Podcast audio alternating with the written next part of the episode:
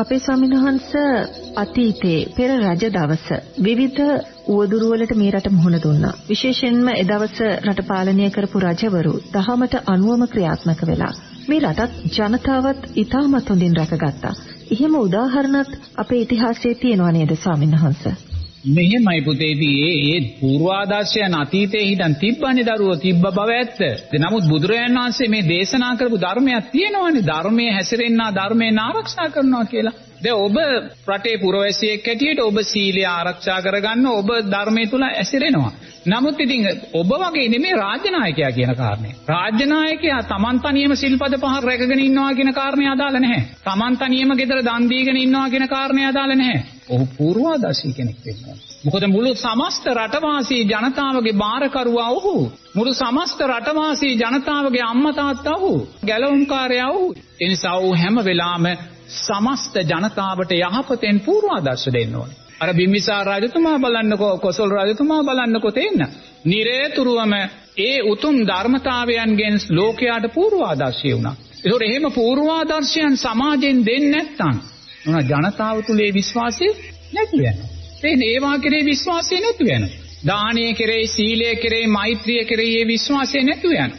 එනිසා නිරේතුරුවම නායකයා දක්ෂ විය යුතුයි. මොකද නායකයා නායකත්වයට පත්ුනේ නෝනා සීලේ මෛත්‍රියේ දානේ පෙර ජීවිතවල ආනිසංස නිසාමයි. ඒකට ඔහු ඒ වැඩියෙන්ම මේවෙන් පූර්වාදර්ශ දෙන්න ඕනේ. කර්මය කර්මඵල විශ්වාසයට අදාළව මේ ධර්මයන් විසිරෝල දකින්න ඕනේ. ඒතර කර්මය කර්මඵල විශ්වාසයට අදාළව මේ දේවල් විසිරෝල දකිද්දී අපි දකින්නේ සීලේ දුර්වලභාවය. මේ කොහෙවත් තියෙන නැව් අපේ ළඟට ඇවිල්ලා ගිනි ගන්නව නෝන. මේ පෙනි පෙනි ගිනි ගන්නවා. ඒවා රූපවාහිනියෙන් දැකලා දහස් ගණන් ලක්ෂ ගණන් මිනිස්සුන් නැවත නැවත අකුසල් පෙර ගන්නවා. ඒතර බුදුරජාන් වහන්සේ කියනවා දීපලක් පෙනි පෙනි ගිනි ගන්නේ පෙර ජීවිතේ හොරකම් කරපු විපාකයන්මයි කියලා. බලන්නකො සුන්දර ධර්මයන්. මේ කවුදෝ මතු කරගන්නේ. ඔය නැව ගිනි ගන්නවා දැකලා දෙයියනේ මේ රටේ ජාතික ධනය සොරකම් කරන භාණ්ඩාගාර සොරකම් කරන අයට නෝනා උන්න පාඩම්. අතරගත ධර්මයක් වගේ. අරක ගිනි ගන්නේ දෙයියනේ මෙන්න ඉගෙන ගන්න පාඩම්. අනේ අපි ජනතාවගේ දේවල් සොරකම් කරන්නේ අපි සංඝයාගේ දේවල් සොරකම් කරන්නේ අපි සිල්වතුන්ගේ දේවල් සොරකම් කරන්නේ ඕවා සොරකම් කළොත් අපේ ඇස් ඉදිරි පිටම සියල්ල පෙනි පෙනි විනාශ වෙනවා. බලන්නකො පෙනි පෙනි නෙමෙයි රටවල් විනාශ වෙලා යනවා. ඈ ජනතාව විනාශ වෙලා යනවා ජනතාවගේ සතුට විනාශ වෙලා යනවා ජනතාවගේ ආර්ථිකය විනාශ වෙලා යනවා අපේ සීලේ දුර්වලභාවයන්මයි සීලේ රැක්කත් ඒ සීලේ රැක්කේ ලෝභ ද්වේෂ මෝහයන් තුලින්මයි වැඩුණේ අවසානයේ සක්කාය දිට්ඨියමයි ඒ නිසාම නෝනා බුදුරජාණන් වහන්සේ කියන දේ අපි පිළිගන්නේ නැහැ. නමුත් අපි සුන්දර බෞද්ධයෝ නේද? එනිසා මේ මොහොතේ අපේ රටේ මේක නැගී හිටින්න නම් ඕනා මම නම් භික්ෂුවක් හැටියට දකින්නේ අනිවාර්යයෙන්ම රටේ රාජ්‍ය නායකතුමා සම්මා දිට්ඨිය අර්ථයන්ගෙන් ජනතාවට මීට වඩා ශක්තිමත් පූර්වාදර්ශයන් දිය. ශක්තිමත් පූර්වාදර්ශයන් දිය යුතුයි. ඒ තැනට එන්නේ නැත්නම් මේ විනාශයන් නම් සියුම් කරන්න බෑ. රටේ නායකයා ශක්තිමත් පූර්වාදර්ශයන් දිය යුතු බව ඔබ වහන්සේ සඳහන් කරන අපේ ස්වාමීන් වහන්සේ. ඒ කාරණය තවදුරටත් අපිට පැහැදිලි කර දෙන්න ස්වාමීන් වහන්සේ. ශක්තිමත් ආකාරයෙන් කියන්නේ මේ දේවල් දානේ සීලේ මෛත්‍රී අර්ථයන් ශක්තිමත්ව සමාජගත කරන්න ඕනේ. ඒව සමාජගත කරන තමා ඒවා තුල නිරත වෙන්න ඕනේ. Taman දන් දෙන නායකයෙක් බවට පත් වෙන්න ඕනේ. ජනතාවට Taman දන් දෙනවා කියන පේන නායකයෙක් බවට පත් වෙන්න ඕනේ. Taman සිල්පද පහ සමාදන් වෙලා ආරක්ෂා කරන නායකයෙක් බවට පත් වෙලා පෙන්වන්න ඕනේ. සමහර ධර්මතාවයන් තියෙනවනේ මිච්ඡා ධර්මතාවයන්. මං සිල් සමාදන් වෙන්නේ නැහැ. ඇයි? මං වැරදි කරන්නේ නැහැ. මං දන් දෙන්න අවශ්‍ය නැහැ. මට සියල්ල ලැබිලා තියෙනවා. මේවා සම්මාදිට්ඨිය නම් නෙමෙයි. මම මෛත්‍රී කරන්න ඕනේ නැහැ. මං කාටවත් ද්වේෂ කරන්නේ ඒවා සම්මාදිට්ඨිය නම් නෙමෙයි. ඒ නිසා නිවැරදි සම්මා දිට්ඨිය සමාජගත වෙන්න ඕනේ නෝන පූර්වාදර්ශයන් තුලින්. මොකද අදම්මික සූත්‍රයේදී බුදුරජාණන් වහන්සේ මුලට දෙන්නේ රාජ්‍ය නායකතුමා. සංඝයා නෙමෙයි. සංඝයා වැටෙන්නේ ඇමතිවරුත් පිරිහිලා മന്ത്രിවරුත් පිරුණාට පස්සේ තනයි පූජක පක්ෂයේ බුදුරජාණන් වහන්සේ එතන තියන්නේ. ඉනුත් පස්සේ ජනතාව එතන තියන්නේ. එහෙනම් ජනතාව මේ තැනට දුර්වල වුණා නම් නෝන අතීතයේ මේ රටේ හිටිය සියලුම රාජ්‍ය නායකින් මේවාට වග කියන්න ඕනේ. වග කියන්න ඕනේ. ඒ නිසා නෝනා අපි සීලය අමතක කරලා දානය අමතක කරලා මෛත්‍රිය අමතක කරලා ආර්ය අෂ්ටාංගික මාර්ගය අමතක කරලා නෝනා මොන සිහින ලෝක ගොඩ නැගුවත් මොන කොන්ක්‍රීට් ලෝක ගොඩ නැගුවත් මොන ආර්ථික ලෝක ගොඩ නැගුවත් නෝනා ඒ සෑම ගොඩනගන කොන්ක්‍රීට් ගොඩනැගිල්ලක්ම කවදා හරි දවසක අපේ සොහොන් කොටක් බවට පත් වෙනවාමයි. ඒක හොඳට තේරුම් ගන්න. අපි දානය අමතක කරලා සීලය අමතක කරලා මෛත්‍රිය අමතක කරලා මොන සංවර්ධනයක් උදෙසා අපි ගියත් ඒ සංවර්ධනය කවදා හරි දවසක අපේ සොහොන් කොටක් බවට පත් වෙනවාමයි නෝ. ඒක තමයි ඒ නිසා අපි දක්ෂ වෙන්න ඕනේ අපේ රටේ සංවර්ධනයත් අපේ රටේ ආර්ථිකයත් අපේ රටේ දේශපාලනයත් නිරේතුරුවම නෝනා මේ සීලයෙන් මෛත්‍රියෙන් දානයෙන් ආර්ය අෂ්ටාංගික මාර්ගයෙන් අර්ථවත් වෙන පූර්වාදර්ශ ලබන ධර්මයන් බවට පත් වෙනවා. එහෙම කොලොත් තමයි මේ සුන්දර සංවර්ධනය මේ සුන්දර ගොඩනගන සෑම දෙයක්ම නෝනා අපිට කවදා හරි දවසක සැනසille දැකලා ඇස්පියා ගන්න පුළුවන් ධර්මතාවයන් බවට පත් වෙනවා. ඒ නිසා නෝනා විසඳුම තියෙනවා. ඔය විසඳුමට අපි එන්නේ නැත්නම් කවදාක්වත් නෝනා අපිට මේ ප්‍රශ්න විසඳන්න කොරෝනාව විසඳිලා යාවි. කොරෝනාව විසඳිලා මොකද නිරේතුරුවම අකුසල් වගේම කුසලයක් විපාකට එනවනේ. දැන් මේ මොහොතේ බලවත් අකුසලයක් හැටියට ලෝකේට කොරෝනාව විපාකෙට එද්දී බලවත් කුසලයකුත් විපාකෙට එනවා. දෙකක් ඇවිල්ලා තියෙන්නේ. ඒතකොට කොරෝනාව බලවත් අකුසලයක් හැටියට විපාකෙට එද්දී ඒ අතරින්ම ආපු කුසලය මොකද්ද? ඊට එරෙහිව එන්නත මතුවෙනවා. ඒතකොට ඊට එරෙහිව එන්නත මතුනේ කොහොමද? ඒක ජනතාවගේ කුසලය. ඒක තේරුම් ගන්න නැතුව මේ ඇමරිකාවේ එහෙම නැත්නම් ඉන්දියාවේ එහෙම නැත්නම් චීනයේ විද්‍යාඥයන්ගේ තියෙන දක්ෂභාවය දක්ෂභාවය තමයි. නමුත් ඒ දැනීම් සකස් කරලා දුන්නේ කුසලයේ ශක්තිය. ඒ නිසා කොරෝනා වැනි මාරාන්තික අකුසලයක් විපාක දෙද්දී කොරෝනාවට එරෙහිව එන්නත් මතුවලා ආවේ ජනතාවගේ කුසලයේ නිසා. මොකද නිරතුරුවම ජනතාව කුසල් සහ අකුසල් දෙකම නිරතුරුවම සිද්ධ කරනවා. දැන් ඊයේ දවසේ ගන්නකෝ ඊයේ දවසේ ඔබ තුලින් කොච්චරනම් අකුසල් සිද්ධ වුණාද ලෝභ දේශ මොහ? ඒ වගේම අලෝභ දේශ මොහ කොච්චර සිද්ධ?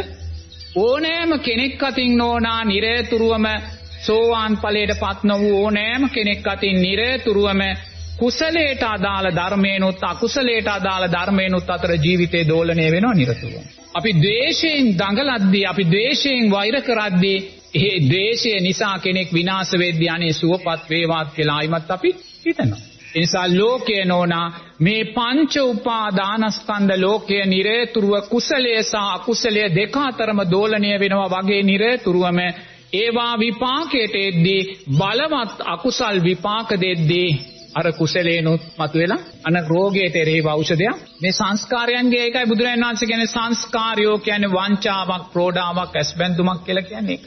අකුසලයේ මාරාන්තිකව විපාක දෙනකොට කුසලයේ ඇවිල්ලා ඔන්නේ නැතක් අපිට ලබලා දෙනවා. ඒ එන්නත නිසාම අපි ආයිමත් මොකද කරන්නේ? ඒ එන්නත කුසලයේ හැටියට දකින්නේ නැහැ. කොරෝනාව අකුසලයේ හැටියට දකින්නේ ඒ එන්නත ලබාගෙන අපි ආයිමත් එන්නතේ නිරෝගී භාවයෙන් ආයිමත් සක්කාය දිට්ඨියම ශක්තිමත් ඊට පස්සේ මොකද්ද වෙන්නේ? කොරෝනාවට වඩා බලවත් අකුසල් සංස්කාරයන් අනාගතේ විපාකෙට නවතීමක් නැහැ. නැවතීමක් නිමාවක් අවසානයක් අපි හිතනවා නම් කොරෝනාව ඉදිරියේදී සොයා ගන්නා වූ ශක්තිමත් එන්නතකින් සහ මුලින්ම නැති වෙලා යයි කියලා එතනින් ලෝකේ සුවපත් වෙන්නේ නැහැ. එතනින් ලෝකේ සුවපත් වෙන්නේ නැහැ. ඒ නිරෝගී භාවය තුල අපි ඇති කර ගන්නා වූ නැවත සක්කාය දිට්ඨිය නිසාම අපි නැවත නැවතත් නොනා කොරෝනාවට වඩා බලවත් අකුසල් විපාකයකට අදාළ ධර්මතාවයන් අපි මතු කරලා කවුද මතු කළේ? තමා තුලම සකස් වෙන්නා වූ මේ පංච උපාදානස්කන්ධයේ ඒ පංච උපාදානස්කන්ධය තුල බලය තහවුරු කරගෙන ඉන්නේ සංස්කාර මායя විසින්මයි ඒ සියල්ල එන නෝනා අපිට ලෝකය නිවැරදි කරනවා කියන කාරණේ ගැන හිතන්න බෑ. මේ ධර්මය ඔබ තේරුම් ගත්තනම් මේ සියලු විකෘතීන් මේ සියලු මාර ධර්මයන් සකස් වුනේ සකස් වෙන්නේ මේවා නිරෝධය වෙන්නේ තමා තුලින්ම කියන ධර්මතාවය අපිට මතු කරගන්න පුළුවන්. මේ සියලු ධර්මතාවයන් සාරා සංක කල්ප ලක්ෂ සියක් කෝටි ප්‍රකෝටි ගාණක් ඈතක ඉඳන් සිද්ධ වුණා. සම්මා සම්බුද්ධ ශාසන ලක්ෂ ගාණක් පහළ වුණා. අතීත බුදුරජාණන් වහන්සේලා ලක්ෂ ගාණක් පහළ වුණා. ඒසා සුන්දර ශාසන පහළ වුණත් මේ විනාශයන් හතර උනේ නැහැ. බුදුරජාණන් වහන්සේ දේශනා කරනවා කල්ප විනාශ දසදහස් ගණනක් පසු පෙරගෙන ආවා වූ ගමනක් ඔබත් මමත් පටිච්ච සමුප්පන්න වෙවිලා තියෙනවා. කල්ප විනාශයක් කියන්නේ මොකද්ද? මේ මුළු පෘථුවියම නෝනායකම ගිනි ජාලාව බවට පත් වෙනවා. ඒ ගිනි ජාලාව තුල එදාට සත්වයේගේ පරමායුෂ තප්පරයයි මේ පිච්චෙනවා මේ මැරෙනවා මේ ඉපදෙනවා. කවුද මේ පුච්චන්නේ? කවුද මේ නැවත උපද්දවන්නේ? අපිම කළා වූ කල්ප ගානක් කුරාවට කළා වූ අකුසල් පුච්ච පුච්චා පුච්ච පුච්චා පුච්ච පුච්චා විපාක දෙනවා. ඒත් අපි තේරුම් ගත්තේ නැහැ. ඒත් අපි මොකද්ද කළේ අර අරූපාවචර බ්‍රහ්මතලයේ හිටිය බ්‍රහ්මය මොකද්ද කළේ කියලා බලන්නකෝ. කල්ප විනාශයක් සිද්ධ වෙලා මුළු පෘථුවියම අළු වෙලා යද්දී අර ආබස්සරා බ්‍රහ්ම ලෝකයේ හිටිය බ්‍රහ්මය මොකද්ද කළේ කියලා බලන්නකෝ. ආලෝක සංඥාවෙන් මේ පෘථුවියට ඇවිල්ලා අර පෘථුවියේ මිදිලා තිබ්බ අර නව යොවුන් ඕජාව සහිත පෘථුවියේ මිදිලා තිබ්බ අර යෝගට් එක වැනි සුන්දර මීපැණි වර්ගය අර සුවඳ තොලගාලා නෝනා තුෂ්ණාව වැඩිලා කය ඝන වෙලා මනුස්ස රූප බවට ඔන්න ආබස්සරා බ්‍රහ්ම ලෝකේ බ්‍රහ්මයන්ට වෙච්ච දේ. ඒගොල්ලන්ට වෙච්ච දේ බලන්න ඉතින් අපි ගැන මොනවා කතා කරනවද කියලා මේ පංච උපාදානස්කන්ධ ලෝකයේ තුල මේ සීමිත සම්පත් තුළ අපි ගැන අපි කොච්චර සතුටු වෙන්න ඕනද කියලා බලන්න ආබස්සරා බ්‍රහ්ම ලෝකෙන් අපි බ්‍රහ්මයටත් උන් වෙච්ච වැඩේ ඕකයි නෝන. ඒ බ්‍රහ්මයින්ගේ පිනේ ශක්තිය නිසා කල්ප විනාශයකටවත් ඒගොල්ලෝ විනාශ වෙලා ගියේ නැහැ. එච්චර පිනේ ශක්තිය. තියාගෙන මෙතෙන්ට ඇවිල්ලා අර තෘෂ්ණාවට වහවැටිලා මනුස්ස ප්‍රජාව බවට පත් වෙලා නෝනා තාමත් ඒ අය මේ භවත්‍රයේ තුල දුක් විඳිනවා ඇති. එනන්න උනා ඒසා වියරුවක් සිද්ධ වෙද්දී ඒ වියරුව තුල මමත් හිටියා ඔබත් හිටියා. ඒත් අපි ඒක තේරුම් ගත්තේ නැහැ. අද කොරෝනාවෙන් කෝටි ගාණක් මිනිස්සුયો මැරිලා තියෙනවා කෝටි ගාණක් මිනිස්සුયો ලෙඩ වෙලා තියෙනවා නෝනා. තාමත් අපි මේ සංස්කාර ප්‍රෝඩාව සංස්කාර වංචාව සංස්කාර ඇස්බැඳුම් අපි තාමත් තේරුම් ගත්තේ නැහැ. අපි බලාපොරොත්තු වෙනවා හෙට කොරෝනාව නිදහස් වෙයි කියලා. හෙට කොරෝනාවෙන් නිදහස් වෙයි කියලා අපි බලාපොරොත්තු එනන්න ඕනා.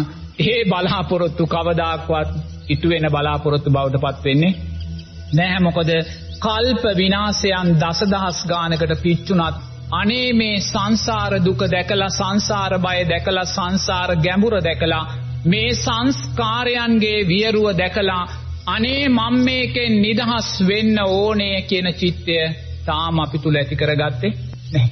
ඇති කරගත්තේ නැහැ. ඒ නිසා නෝනා මාර්ගයේ සුන්දරව විවෘතව තියෙනවා. මාර්ගයේ සුන්දරව විවෘතව තියෙනවා. ලෝකයේ මෙතනයි තියෙන්නේ තමා තුලයි මේ නාම රූප ධර්මයන් දෙක තුලයි. ඒ නිසා ඔබ නිරේතුරුවම ලෝකයේ දෙස් දකින්න. බුදුරජාණන් වහන්සේ ලෝකය කියලා කියන්නේ මේ සලායතනයන්ටමයි. මේ නාම රූප ධර්මයන්ටමයි. එනිසා නිරේතුරුවම ඔබ දකින්න මෙවැනි සංස්කාර වියරුන් සකස් කර දෙන්නේ තමා තුලම සකස් වෙන තමාගේ ලෝකයේ තුලම සකස් වෙන මේ අකුසල් මායя විසින් කියලා දකින්න. දැකලා නිරේතුරුවම අදිෂ්ඨානයක් ඇති කරගන්න මම මොනම හේතුවක් නිසාවත් අකුසල් නම් වඩන්නේ නැහැ. මම ධර්මයේ හැසිරීලා ධර්මයේ තුලින් ආරක්ෂා වෙනවායි කියන විශ්වාසය ඇති කරගන්න. ඔබ මේ මොහොතේ ආරක්ෂා වෙලා තියෙන්නේ ඔබම හැසිරුණා වූ ධර්මයේ ශක්තියෙන්. එනිසා ඒ විශ්වාසය තුල ඉඳලා නැවත නැවතත් ඔබ බෞද්ධ කෙනෙක් නම් ආර්ය අෂ්ටාංගික මාර්ගයේ විශ්වාසයට එන්න.